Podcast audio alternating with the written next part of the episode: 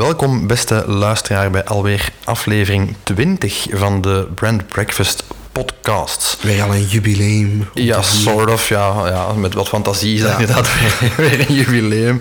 Uh, binnenkort al twee jaar ver, Michael. Dat klopt. Uh, met onze afleveringen. Nee, uh, voor de eerste aflevering van 2020 hebben we um, toch wel een paar interessante onderwerpen voor jullie klaarstaan. Ten eerste pikken we in op een vraag die we geregeld krijgen van welke boeken moet ik lezen over, over branding. En zowel Michael als ik hebben er een reeks geselecteerd. Even in onze bibliotheek voilà. gebladerd die we graag, de samenvattingen gelezen. Voilà, die we graag aan jullie, uh, aan jullie voorleggen zo dadelijk. Ja. ja, misschien het tweede topic speelt daar een stuk op in, uh, op toch een aantal van de boeken die we bespreken. Uh, dat is community building. We gaan na hoe dat je als merk waardevol een gemeenschap kunt bouwen en welke componenten daarvoor nodig zijn. Voilà, en we ronden af met ja, een, een, onderzoek, of meerdere onderzoeken eigenlijk, maar vooral de Edelman Trust Barometer, de meest recente, waaruit blijkt dat merken zeer weinig vertrouwen uh, genieten en hoe dat toch wel een beetje haak staat op de verwachting die uh, klanten hebben van merken om uh, meer te betekenen in deze wereld. Dus ja, we gaan daar toch wel even de filosofische tour op om te kijken hoe je vertrouwen opbouwt voor je merk. Welkom bij Brand Breakfast, de Nederlandstalige podcast over merken en marketing. Geniet van deze aflevering vol tips en tricks om ook uw merk te verbeteren.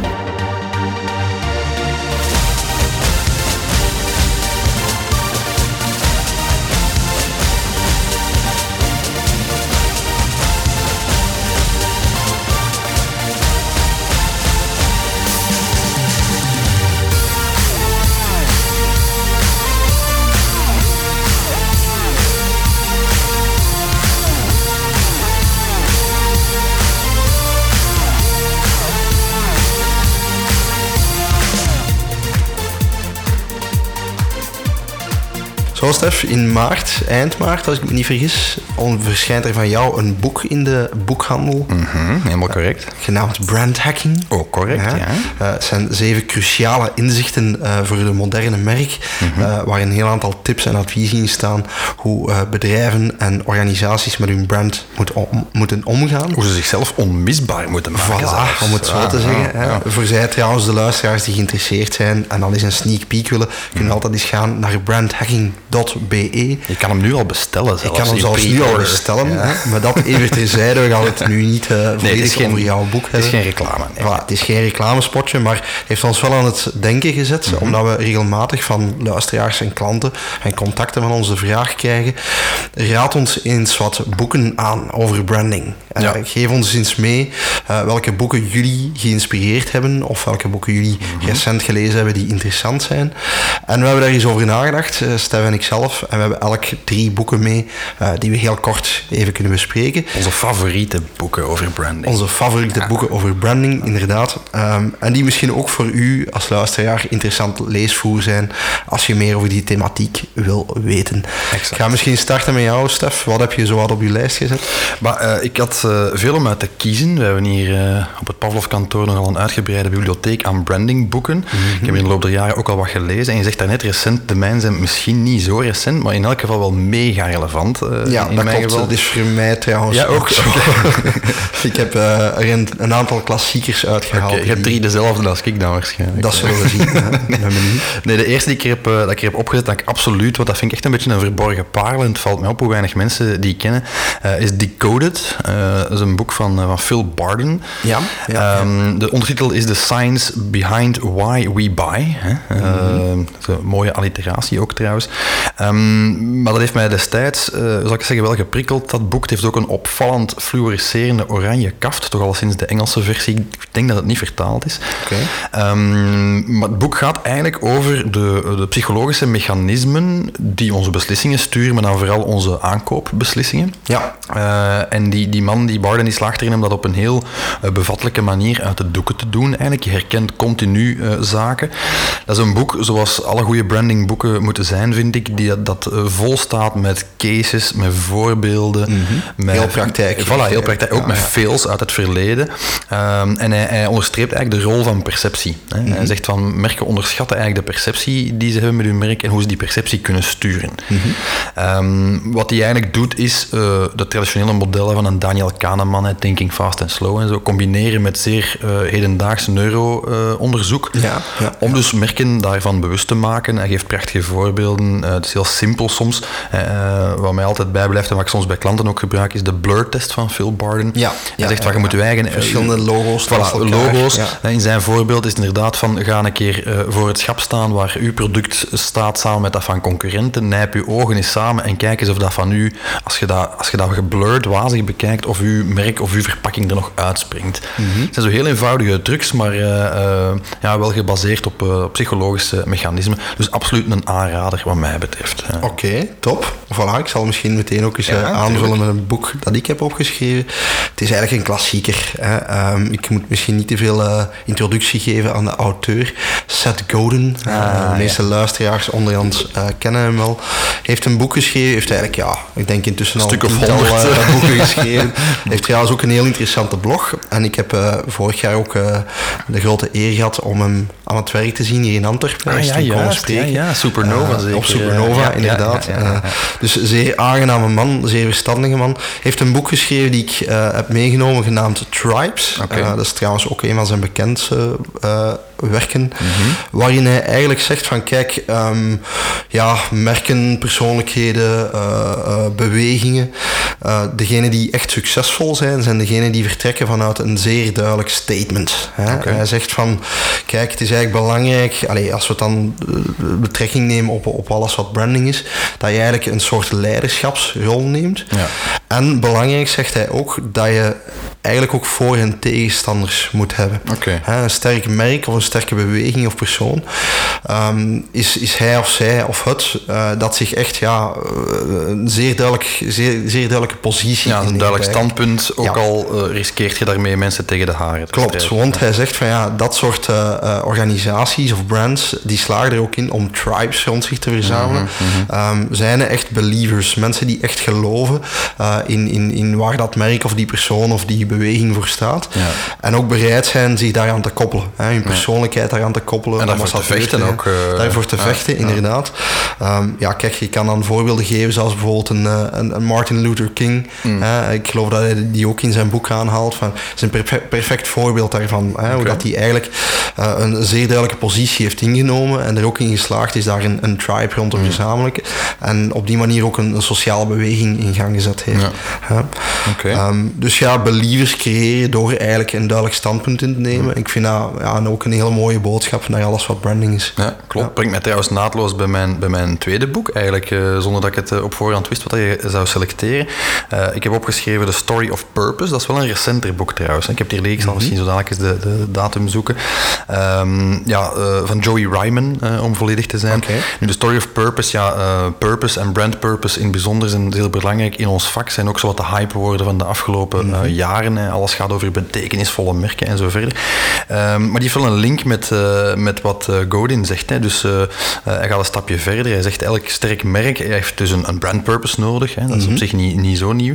Maar hij zegt je moet dat koppelen aan een, een master ID. En hij vergelijkt dat, en dat vond ik een prachtige analogie. Hij vergelijkt dat met een kampvuur. Je moet als merk moet je een vuurtje stoken. Ja, ja. En dat is een vuurtje waaraan mensen zich kunnen warmen, maar ook aan kunnen verbranden. Maar in elk geval is dat een baken van licht in de verte en een baken van warmte. En eh, als je dat goed aanpakt, dan komt de tribe eh, van Godin dan, Ja, ja, eh, komt zich rond uw vuurke verwarmen. En dat master ID moet je in alles doortrekken. Is, dat- is dat gekoppeld aan het purpose-idee van Simon Sinek, de, de. Golden Circle? Ja, voor een stuk wel. Dus hij spreekt ook over de why, net zoals Simon Sinek. Wat ik interessant vond aan die Story of Purpose, is dat hij eigenlijk al die modellen bij elkaar legt. Dus het tribe-verhaal van Godin, de Golden Circle van Sinek, al die geëikte modellen. Ehm, wat hij eigenlijk doet, is, is ze samenvatten ergens voor stuk zelfs simplifiëren in één groot model en gebruiken eigenlijk als leidraad. Hè. Eh, de doelstelling van het boek, hè, dus die Story of Purpose, is eigenlijk om aan de hand van een purpose een lasting legacy te creëren. Zo noemt Ja. hij dat dan. Hè. Dus een, Ja. een blijvende impact te creëren. Eh, hij zegt van kijk, eh, ehm, ehm, bedrijven in het algemeen en dus merken in het bijzonder, ja, je kunt er niet omheen dat ehm, eh, ze vandaag en in de toekomst een rol moeten spelen die verder gaat dan alleen maar centen verdienen, alleen Ja. maar producten verkopen En, en winst maken. Ehm, op zich ook niet, niet revolutionair, maar ik vind dat hij op een heel goede en, en, en begrijpelijke manier omschrijft hoe je dat concreet moet aanpakken. Eh, hij beweert ook niet het warm water uit te vinden, maar eh, eh, creëert eigenlijk een model of een systematiek om al die toepassingen, al die modellen van de andere grote denkers in praktijk toe te passen om, om purpose te creëren. Oké, interessant. Ja, ik heb het boek eigenlijk zelf nog niet gelezen. Dus Ah, ik, wel, het eh, ligt hier. Voilà, bij Ja. deze een aanrader ook voor, eh, voor mijn literaire eh, bibliotheek. Ehm, eens kijken, ik had er zelf ook nog twee opgeschreven. Ah, dit is misschien- ook een, ja, een klassieker, maar ik dacht ik ga er toch ook een Belgisch voorbeeld in steken. Ah ja, oké. Ehm, en ik heb gekozen voor Heldenmerk van Guillaume van der. Mm, dat is inderdaad ook Ehm, classic. Het ja. is ook een boek dat ik eigenlijk al wel een tijdje geleden gelezen heb. Is denk ik een boek van begin jaren 2010, als ik me niet vergis. Ja, of misschien niet zo oud, maar ook niet meer recent natuurlijk. Niet meer zo recent, maar een aantal zaken die mij toch altijd heel, eh, heel goed zijn bijgebleven. Eh, waarin hij eigenlijk zegt, ja, dat, de titel zegt het zelf ook een beetje, heldenmerk. Waarin hij zegt van ja, uw brand moet eigenlijk een soort van hero-verhaal hebben. Mhm.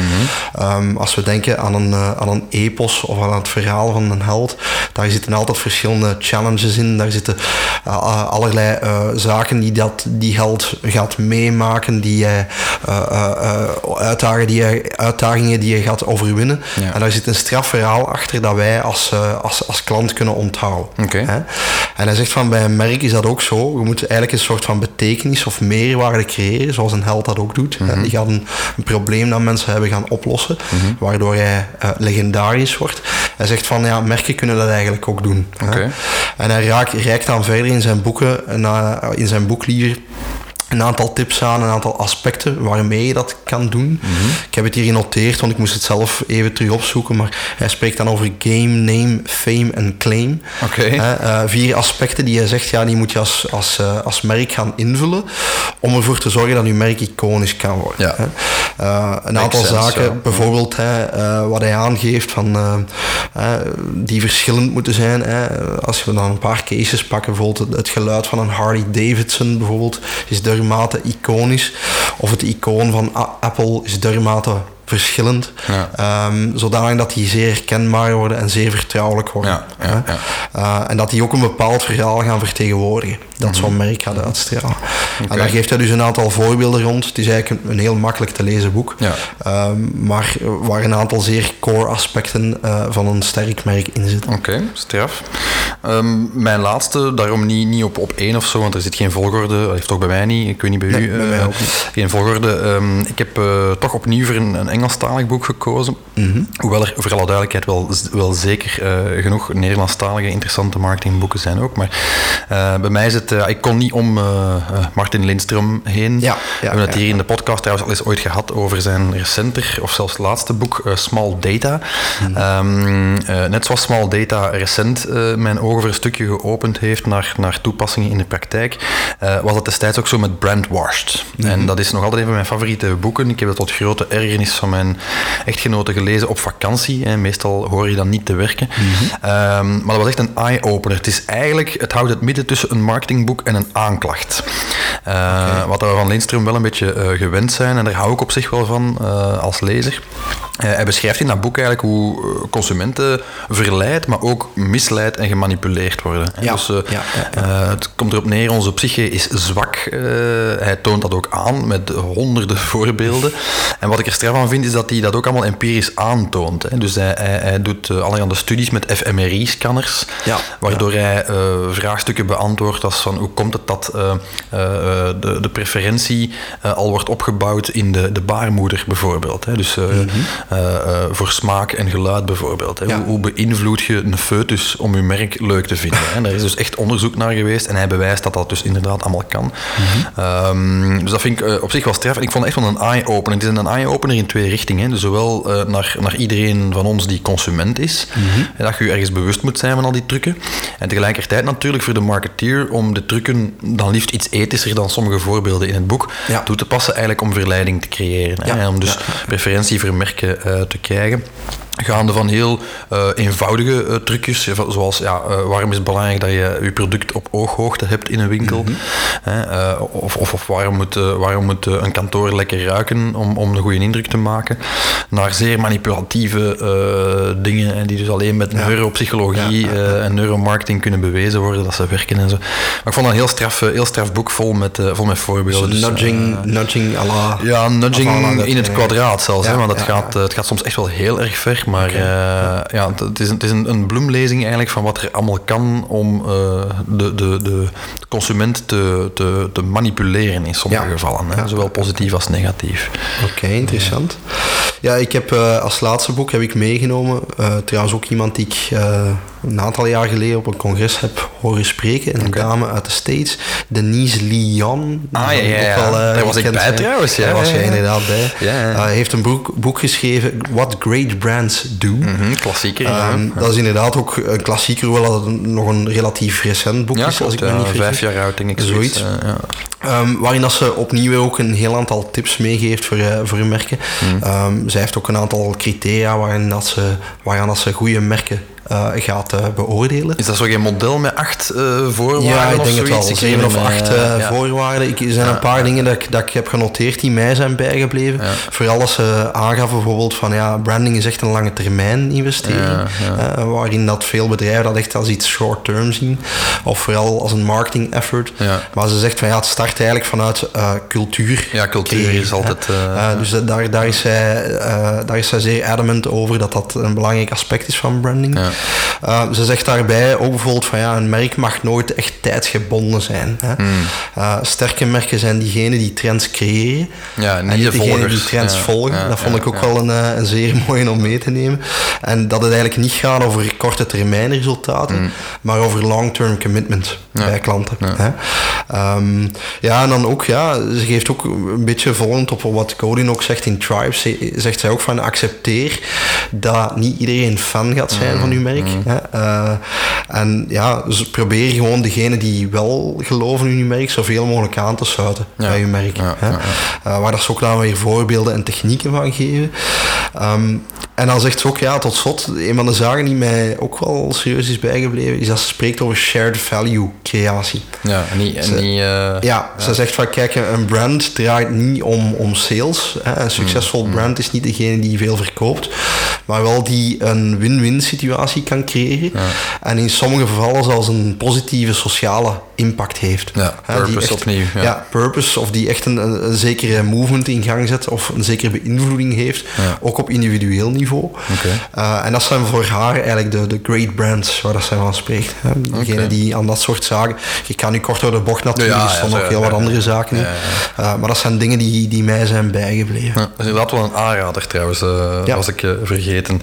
Alright, kijk goed. Um, ja, voor de luisteraars, ja, je moet dat natuurlijk, als, als je nu in de trein of in een auto zit op dit moment, allemaal niet onthouden of terug beluisteren. We gaan uh, op onze website, uh, op brandbreakfast.be, bij deze podcast gaan we keurig een linkje zetten naar, uh, naar al die boeken. Dan Yes. kan je ze gemakkelijk uh, bekijken of bestellen, mocht u dat interesseren. Oké, okay, trouwens, als jullie zelf nog tips hebben voor literatuur die wij moeten lezen, ik hoor het graag. Of een goed boek dat je gelezen hebt over branding of marketing, stuur het even door naar hello at brandbreakfast.be en misschien dat we er wel een segmentje aan wijden in een van de komende afleveringen.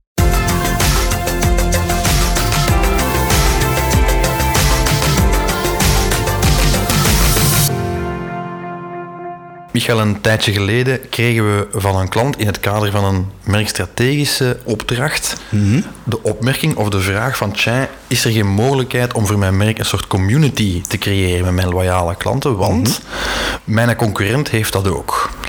We hebben dan trouwens eens gekeken wat die concurrent deed. En eigenlijk was dat gewoon een loyalty-programma. Ja. Maar natuurlijk rijst de vraag dan wel van, ja, wat is dan eigenlijk wel een goede community voor uw merk? Wat is daar het nut van om te beginnen? En hoe pakt je dat aan? Hè? Hoe zorg je dat je een groep van trouwe eh, mensen rondom uw merk verzamelt als een soort van ja, eh, community, ja, eh, Ja, ja, ja. samenhangend geheel? Mhm. Ja, ik denk op zich, ja, het valt maar te zien hoe dat je een community definieert Natuurlijk, natuurlijk. hè. Eh, inderdaad, je hebt, je hebt vormen van loyalty-programma's en allerlei communities die dan meer van commerciële insteek zijn. Maar vind je dat een community zelf al echt? Goh, persoonlijk niet, maar je kan bijvoorbeeld zeggen, ja, ik kan ook lid worden van de FNAC bij wijze van spreken. Hè, en dan heb ik zo'n lidkaart en dan heb ik een aantal benefits die niet-leden niet hebben. Ja. Maar dat is natuurlijk heel instrumenteel van aard. Hè. Oh ja, dat dus gaat dat, dan ja. voornamelijk over kortingen hier, of een keer eens een scoop dat ik krijg, of dat ik kan deelnemen aan een wedstrijd bijvoorbeeld. Ja, volgens die logica is lid worden van een, gewoon een Facebook-page, eender de welke, of, Ja, of, eh, inschrijven op een nieuwsbrief, ook al een community natuurlijk. hè. ja. natuurlijk, ja, die platformen noemen, eh, noemen dat zelf ook communities. Ja, dat is dus, waar, eh, dat is hè, maar natuurlijk is dat inderdaad van zeer laagdrempelige en vaak niet echt zeer betekenisvolle aard. Hè. nee, ik moet zeggen, als ik denk aan communities, dan denk ik eerder aan een situatie waarin ehm, een merk samen met zijn klanten of een, een groep van mensen eigenlijk een soort gemeenschappelijk doel hebben. Mhm. Ja. Of een gemeenschappelijke passie of interesse waar dat ze zichzelf aan verbinden. Ja, wel ik ook. Ik zie dat eerder, Die hen, die hen ook, verbinden Ja. eh, als groep. Hè? Ja, dat verder gaat dan puur een product eigenlijk. Hè. Ja, ja, ja, Ja. inderdaad. Je zegt dat goed, hè, die inderdaad verder gaan dan dat. Hm. Hoewel dat je wel kan zeggen, hè, je, hebt, je hebt voorbeelden zoals in België, eh, waarin dat je rond een product ook wel een community kan bouwen. Ik denk bijvoorbeeld, ehm, als ik me niet vergis, elk jaar Mini bijvoorbeeld. Mhm, Eh, hier in Benelux of toch in België doen die bijvoorbeeld zo'n een, een, fun and tra- of een fan and track day, eh, waarin dat ze dan ja. eh, vragen aan mini-bestuurders van ja, kijk, wij zijn toch een aparte ras van autobestuurders. Ja, iconisch merk ook, hè. Ontmoet ons op een circuit. Je kan hier komen scheuren met uw minieke. Oké. En we eten samen een hapje en je kunt samen drinken en gezellig nakeuvelen met een aantal andere mini-bestuurders. Ja, Eh, dus het kan wel, hè. je kan rond een product wel iets van community Dat zijn al iconische producten Ja, natuurlijk. hè. dat is klopt. al- Dat klopt. ja. Nu, ik moet zeggen, als, als ik dan denk aan de zuivere vorm van een geslaagde community, denk ik eerder aan zaken. Hè. Ehm, ik ga, een- ik ga een heel, heel concreet voorbeeld Mhm, geven. Ik zit bijvoorbeeld in een Facebookgroep Keep on Running. Oké. Eh, en dat is een Facebookgroep met ongeveer, als ik me niet vergis, 14.000, 15.000 leden Alright, intussen. Ehm, is eigenlijk een initiatief dat gesteund wordt of opgericht is door een eh, commerciële merk, Ja. hè, Runners Lab. Ja. Nu, die groep zelf gaat niet over die producten, maar gaat eigenlijk over het samenbrengen van lopers. ja, de runners Die- high en... eh, ja, exact. Die ja. aan elkaar tips eh, eh, verlenen, die loopwedstrijden met elkaar delen, die tijden met elkaar delen. Die dus met andere woorden gemeenschappelijke doelen en passies Ja, hebben. ja, ja, Ehm, en Runners Lab, ja, zij hebben daar goed op ingespeeld. Zij hebben bijvoorbeeld een, een soort van lijn van t-shirts en allerlei gadgets, waar bijvoorbeeld Keep on Running Ja. ook op staat. Ja. Eh, dus we proberen op die manier die community samen te brengen. Natuurlijk ook wel met het idee van oké, eh, moesten die mensen producten nodig hebben, Ja, dan komen ze ook te vinden. Op zich is dat, is, lijkt me dat een verstandiger aanpak te zijn, omdat je de focus verschuift van je merk naar de, de, de mensen die met je merk rol, aan de slag gaan. Hè. Inderdaad, een, een ondersteunende rol. En eigenlijk faciliteert je eh, het contact tussen uw fans. Hè. Dat lijkt mij dan persoonlijk waardevoller dan te moeten betalen voor een klantenkaart bijvoorbeeld. Zeker, zeker akkoord, ja. Er is een heel groot verschil. Ik denk in de B2B, ehm, allee, dat is eigenlijk een andere klant van ons, maar eh, wij werken soms voor Wolters Kluwer. Ah, ja, ja. Eh, die bijvoorbeeld elk jaar een event doen, Taxville heet dat, Mhm, waarin zij finance professionals, boekhouders laten samenkomen. Ja. En op die dag gaat het eigenlijk ook niet over software of kennis van Wolters Kluwer. Zij zijn facilitator, Mhm. maar zij gaan er eigenlijk vooral kennis delen en ook eens spreken met die mensen over de toekomst van het beroep zelf. Hè, van ja, hoe gaat finance uit het veld vergaren. Klopt, en, ja. eh, En hoe ja. Mm. gaat finance in de toekomst eruit zien? Hoe moeten boekhouders gaan evolueren? Uh, en natuurlijk zijn we natuurlijk als merk daar ook een soort van evangelische rol in te spelen. En hun producten, hun diensten, hun accountmanagers kunnen daar ook in ondersteunen. Hè. Dat is de achterliggende gedachte. Maar het idee is vooral die community samenbrengen en samen tot oplossingen komen of samen tot ideeën en inspiratie komen. Mhm. Oké, zeg ik het juist, Michael? Allee, ik, ik, beschouw dat zo. Hè. Een succesvolle mhm. community, dat dat vooral gaat over, over uh, psychologie. Namelijk, daar bedoel ik mee, um, mensen het idee geven, een sense of belonging, een gevoel van erbij horen. Of, of... Ja, ja, inderdaad. Sense of belonging. Uh, ik denk dat je daar perfect het voorbeeld van Tomorrowland kunt aangeven, wat voor mij ook een, een heel mooi voorbeeld is van sense of belonging. Okay. Ah, ja, uh, we gaan allemaal samen iets beleven tijdens Ik was aan het denken, hoe ziet het dan, maar inderdaad, makes sense. ja. Dat is één aspect. Het is voor mij ook ergens ja, een, een, een, een ja, inspelen op bepaalde motieven of benefits ook wel. Maar dan inderdaad dieper gaand dan gewoon een product of een dienst te aanbieden. Ja, oké. Uh, dat is voor mij een sterke community. Um, als ik daar misschien op, op, op, mag verder gaan, want ik heb nu voorbeelden gegeven van ja, hoe, hoe dat een merk dat kan doen naar zijn community. Ja, ja. Maar ook omgekeerd zie je dat. Hè. Um, allee, onlangs had ik, een, uh, had ik een, een vraag. Ik ben een Microsoft Office gebruiker. Ja, oké. Ben gaan googlen, dat was iets heel specifiek. Mhm. um, ik heb het antwoord op mijn vraag niet gekregen van Microsoft, maar van de fans van Microsoft. Ja, oké, oké. Okay. Gebruikers zelf. Ja. Omdat die dan een forum hebben uh, waarin dat ze met heel veel plezier hun expertise over dat product verleden. Daar moet toch echt, uh, allee, sorry dat ik onderbreek, maar daar moet er toch echt fan van zijn. Ja, hè? Van klopt. Zo, ja, allee, ik zie mij dat en zelf toch niet gebeurt doen. dat vrij ja, organisch dat, bij veel, bepaalde hè? merken, ja, omdat, er, ja, omdat dat echt believers zijn. Dat zijn mensen die daar ook de benefit van zien en ook met plezier anderen daartoe inlijven en, uh, en hen helpen daarmee. Hè? Okay. Um, ik vind een mooi voorbeeld daarvan bijvoorbeeld ook alles wat crowdsourcing is. Hè? Ja, ik denk dat dat um, een super voorbeeld is. Voilà, zelfs, hè, dat, is, dat is community uh, in de next step, denk ik dan. -hmm. uh, is dat gebruikers gaan zeggen van goed, dit is het product dat we met veel plezier gebruiken. -hmm. Maar we gaan er nog eens een, ja, we gaan er ons eigen ding van maken. Of we gaan daar nog iets bovenop doen. Ja, hè? een laag aan toevoegen. Een laag aan toevoegen. Ja. Hè? Ik herinner mij bijvoorbeeld voor IKEA, en dat is een, een voorbeeld dat jij zelf ook af en toe gebruikt. De IKEA-hacking. De IKEA-hacking. Ja, ja, uh, waarin je op een gegeven moment een groep van mensen had die, die zei van ja, oké, we hebben toch wel wat verstand van hoe dat we zelf met die, met die meubels of die componenten die, die door IKEA worden aangeleverd, eigenlijk ons eigen ding kunnen maken. Hè? Eigen sets maken van meubels of dingen uh, fabriceren daarmee. Ja, en pimpen en verbouwen. En pimpen, en verbouwen, en, verbeteren. Andere hè? functies uh, geven. Ik herinner me trouwens ook in die case dat IKEA daar in eerste instantie geen grote voorstander van was. Om het op zijn zachtst te zeggen. Voilà, omdat zij zeiden van ja, maar eigenlijk jullie maken er iets van dat wij niet bedoelen. En het heeft ook veiligheidsrisico's en dergelijke. Ja, daar waren ze bang voor. Hè. Juridisch denk ik van wat als morgen zo'n zo'n zelfgebouwd fort uh, in een kinderkamer op basis van drie stapelbedden, een lamp ja. en een gordijnrail, als dat naar beneden komt en een kind is gecrushed, en dan komen wij wel in de pers als zijnde het was gebouwd met IKEA ja. Hoewel ze daar verder natuurlijk geen verantwoordelijkheid voor hebben. Hè. Maar, voilà. maar goed, als ik me niet vergis, hebben hun, hun mening daar een beetje klopt, bijgesteld, omdat ze ook de power of the community daarin wel begrijpen. Dat is goed.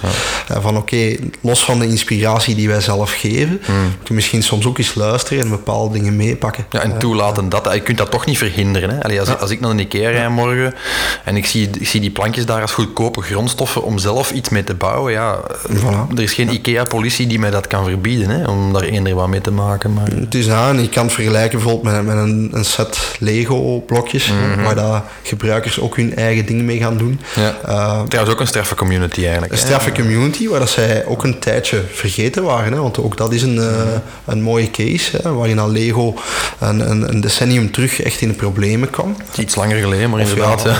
uh, x aantal jaren geleden, laat ik het zo zeggen. Ja. Um, en eigenlijk terug hun value heeft teruggevonden naar die community, door te zeggen van ja, uh, wij maken dromen waar. Hè, je kunt alles maken met Lego, Mm. los van de sets die wij aanbieden. Uh, Lego is eigenlijk ja, de, de, de bouwstenen om uw inspiratie om creativiteit, te vullen. Ja, om creativiteit eigenlijk in de hand te gaan werken. En het is opvallend dat ze daar trouwens, natuurlijk de primaire doelgroep van Lego zijn kinderen, maar mm -hmm. je hebt, om daar misschien op in te pikken, heel de, de, de AFOL-beweging, de, de, de Adult Fans of Lego, ah, ja, ja, AFOL. en ik heb daar een tijdje geleden, een jaar geleden of zo, ik denk dat het op Netflix was trouwens, een, een documentaire over gezien van hoe ze die mensen inderdaad betrekken. Hè. Dus mm -hmm. nodigen van die AFOLs uit eh, in Billund, hè, in Denemarken, in hun hoofdhuis. Ze hebben een heel labo en die mensen mogen daar eh, van alles komen, komen doen. Mhm. En je kan online designs indienen en als je 10.000 votes of meer hebt, dan overwegen ze je kit te maken als Lego set eigenlijk. Hè. Eh, maar dat zijn uitsluitend volwassenen, daar komt geen kind aan te pas. Maar dus, eh, dat is zo'n zo'n belangrijke community of subcommunity van fans. Ja, we spreken hier natuurlijk. eh, Ik heb een paar voorbeelden gegeven die echt wel love brands zijn. Dat begrijp maar- ik ook wel. Is er geen voorwaarde trouwens? Is, is dat geen voorwaarde om een, echt een stevige community te hebben dat je een love brand hebt? Eh, ik weet dat niet, omdat ik denk dat je bijvoorbeeld als kleinmerk of, of, of, of eh, ja, een, een bedrijf of eh, organisatie die iets doet dat, dat niet populair is of sexy is, ook heel wat kunt betekenen. Hmm. Hè, ik kan het voorbeeld geven, we hebben bijvoorbeeld ook een klant die golftoernooien mee organiseert en Ah, juist, sponsort ja, voor het ja, goede doel. ja, dat staat los van zijn core business, maar dat is een van de zaken die zij doen samen met klanten. Hmm. Ik kan daar ook zeggen van oké, ze brengen een community op gang Ja. om iets te betekenen. Ja. Dus het moet ook niet altijd gelinkt zijn aan een product. Nee, dat is juist, Ja. gelijk. Ja. Ja. Dus in die zin kan je ook aan community building doen. Hmm. En soms ook op kleinere schaal. Hè. Ik denk inderdaad klanten samenbrengen. Ja, een leuke koffiebar heeft op zich ook een community van trouwe klanten gewoon exact, al. Hè. ja. Eh, Inderdaad, een kennisuitwisseling. Hè, dat hoor ik bij zoveel brands die, die, die sterk zijn. Zelfs op zeer kleine schaal, waarin dat ze mensen in contact brengen. Hmm.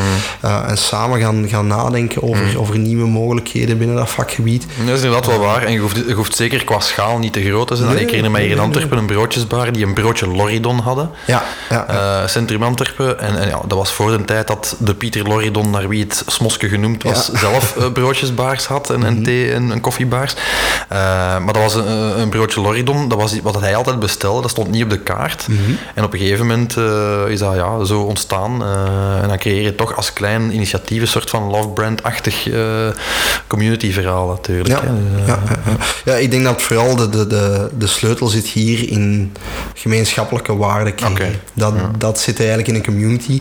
En dat is iets waar je niet 100% kan forceren, Nee. maar wel kan faciliteren. Door bepaalde initiatieven te nemen die die community ook kunnen opbouwen. Ja, maar dus zeker te onderzoeken als merk van hoe kan ik eh, dat doen met de mensen om mij heen. Ja, ja, ja. ja. Eh, ook om weer natuurlijk fans te creëren. Hè. Om ervoor te zorgen dat mensen ook ja, eh, een stuk meer vertrouwen in u gaan hebben. Ja, en word of mouth. Eh, en waarschijnlijk word of mouth gaan creëren. Dus eh, absoluut.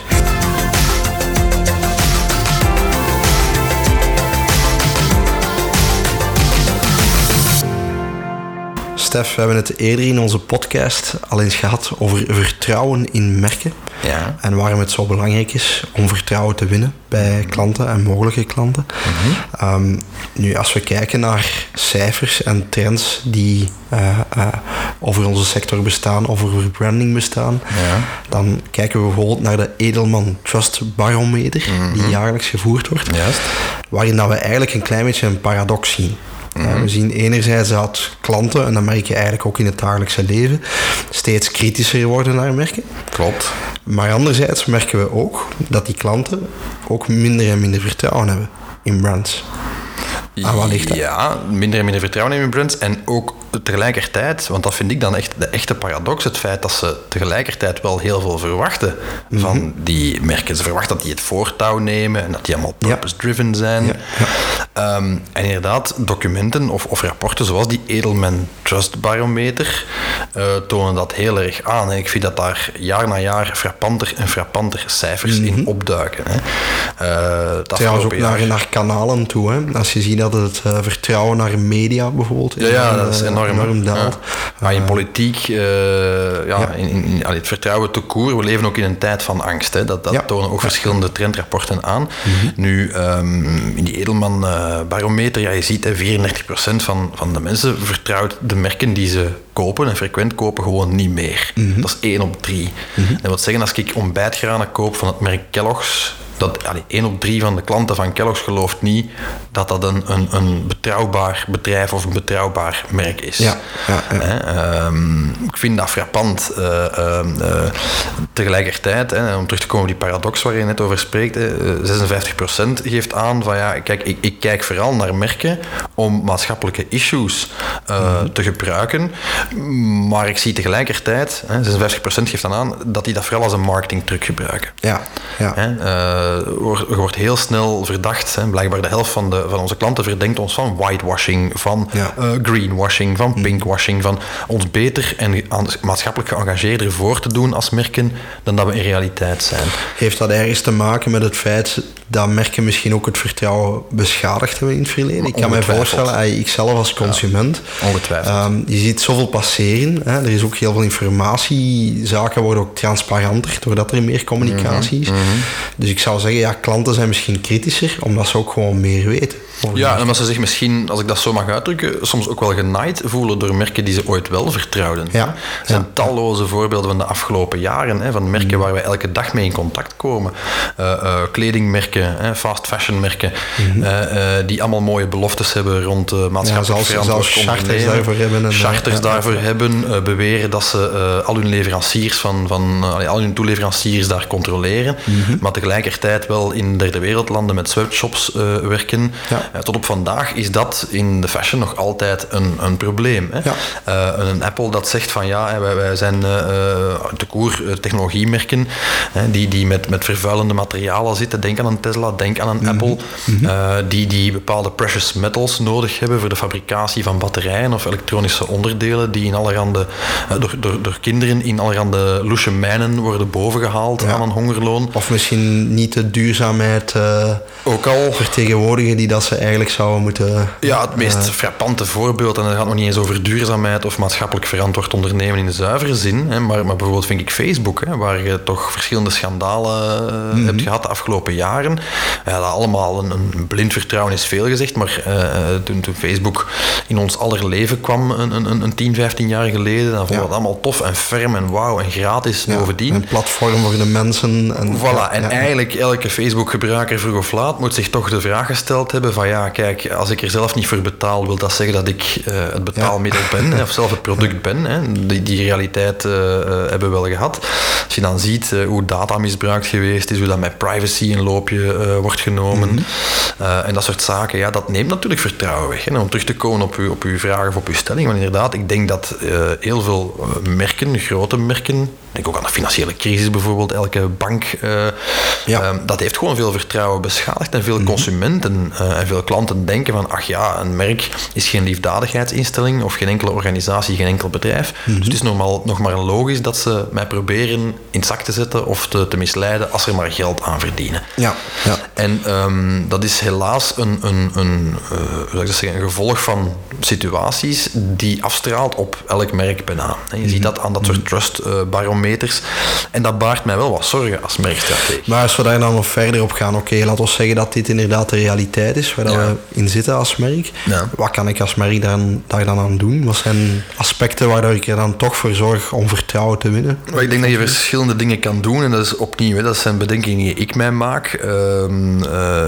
ik heb het daar in lezingen ook over. Ik, ik zal beginnen met een heel stom voorbeeld. Bijvoorbeeld, ik denk dat je ehm, eh, al moet eh, een onderscheid maken in de manier waarop je communiceert met de wereld.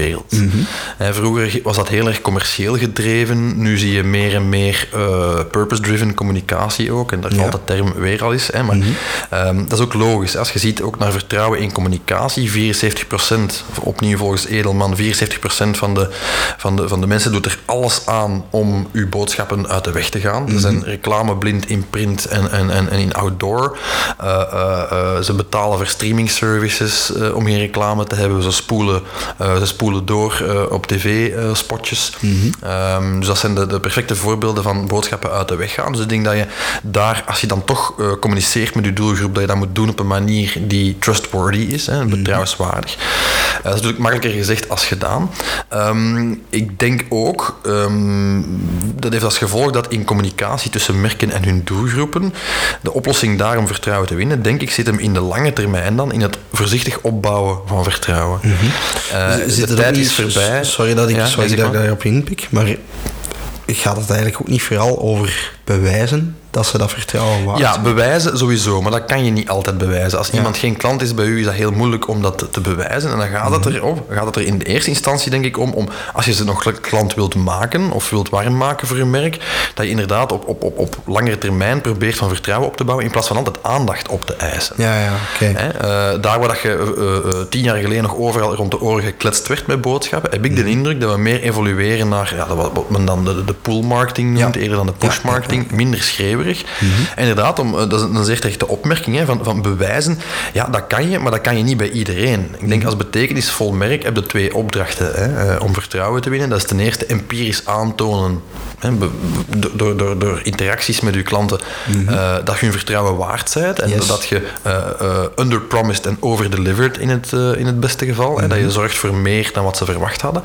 En dat je dus een, een, een verschil maakt, een aantoonbaar verschil in het leven van mensen. Mm -hmm. En aan de andere kant denk ik, ook naar niet-klanten toe, dat het belangrijk is dat je, dat je niet alleen verhaaltjes vertelt, maar ook duidelijk aantoont en bewijst dat je een groter maatschappelijk nut dient. Ja. Een goed voorbeeld daarvan vind ik, vind ik Pampers, die, die op een gegeven moment zegt van ja, los van uh, droge babybilletjes en elke mm -hmm. jonge ouder, uh, inclusief ikzelf met een dochtertje van 14 maanden in huis, kan u getuigen dat dat zeer goede pampers zijn. Hè? Dat mm een kind inderdaad niet, niet, niet uh, last heeft van, van klamme billetjes bij het minste pisje.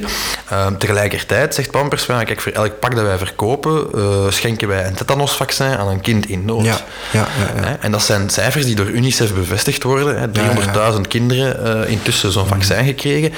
Ja, dat is wel heel erg mooi natuurlijk, dat is heel erg purpose-driven. Nu, je spreekt natuurlijk nu over, over merken die al een zekere impact hebben. Ja, hè, die natuurlijk ook op grotere schaal opereren en dus ook een, een grotere impact kunnen maken. Dat is altijd de catch, hè? Um, hoe zit het dan voor een, voor een KMO? Hoe zit het bijvoorbeeld voor een start-up hè, die daar begint en eigenlijk nog niks van social proof heeft, om het zo te zeggen?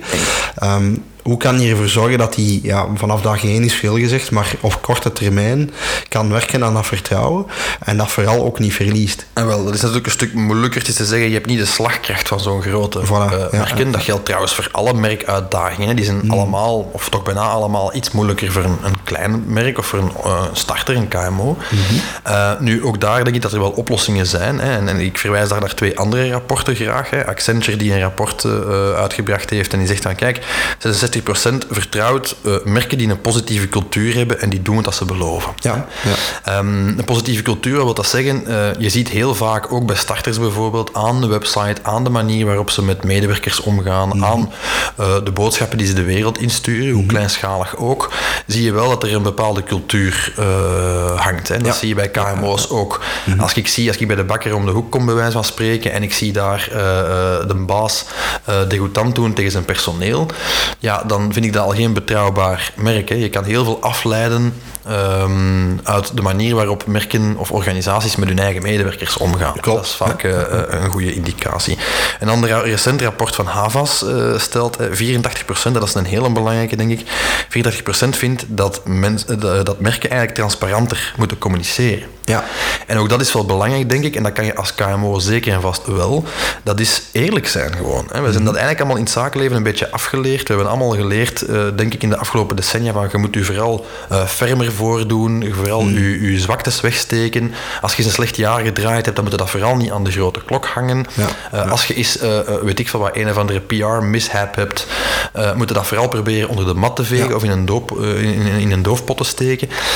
Um, ik denk dat, het, dat betrouwenswaardige merken van de toekomst die merken zijn die daar lak aan hebben aan dat soort slecht advies en zeggen mm. van nee, misschien moeten we maar open en transparant communiceren over ja. waar komen onze ja, grondstoffen vandaan. Hoe gaan wij om met mensen? Uh, uh, wat vinden wij belangrijk in milieu en maatschappij mm -hmm. en dergelijke meer? Als ik misschien een aanvulling mag doen, ay, kwestie van toch een beetje de discussie daarover te hebben. Ik ben het zelfs niet 100% eens dat een KMO per definitie het moeilijker heeft om vertrouwen te winnen. In die zin dat ik ervan uitga, een kleiner bedrijf, daar heb je ook minder om je achterweg te steken.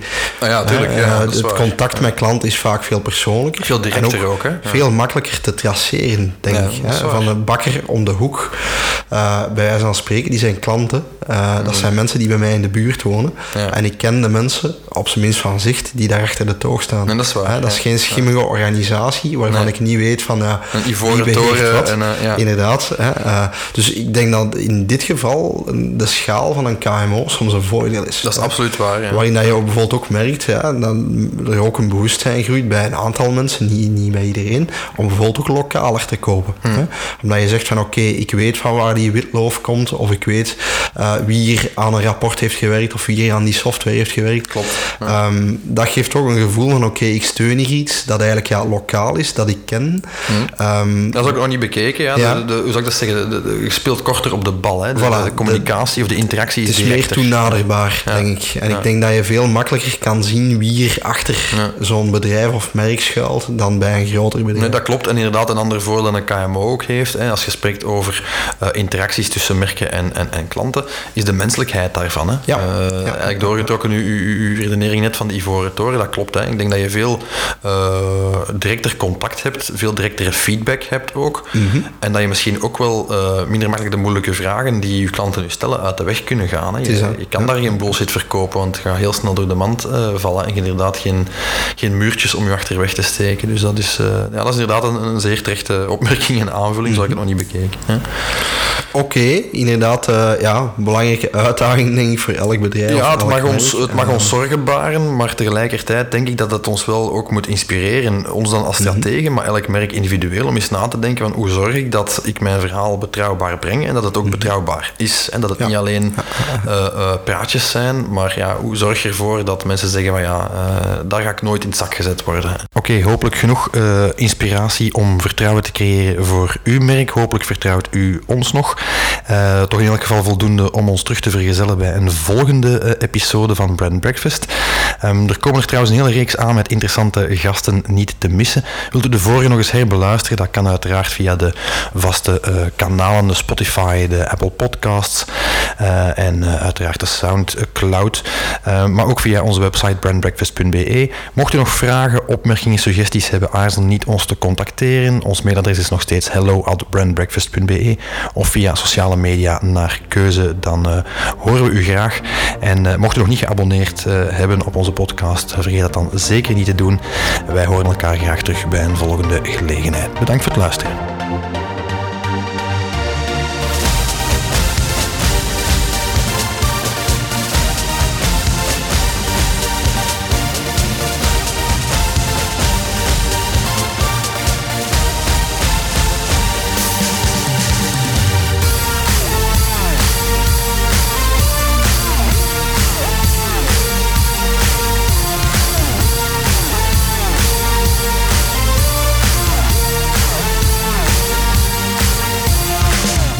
Brand Breakfast voor deze aflevering. Dank voor het luisteren.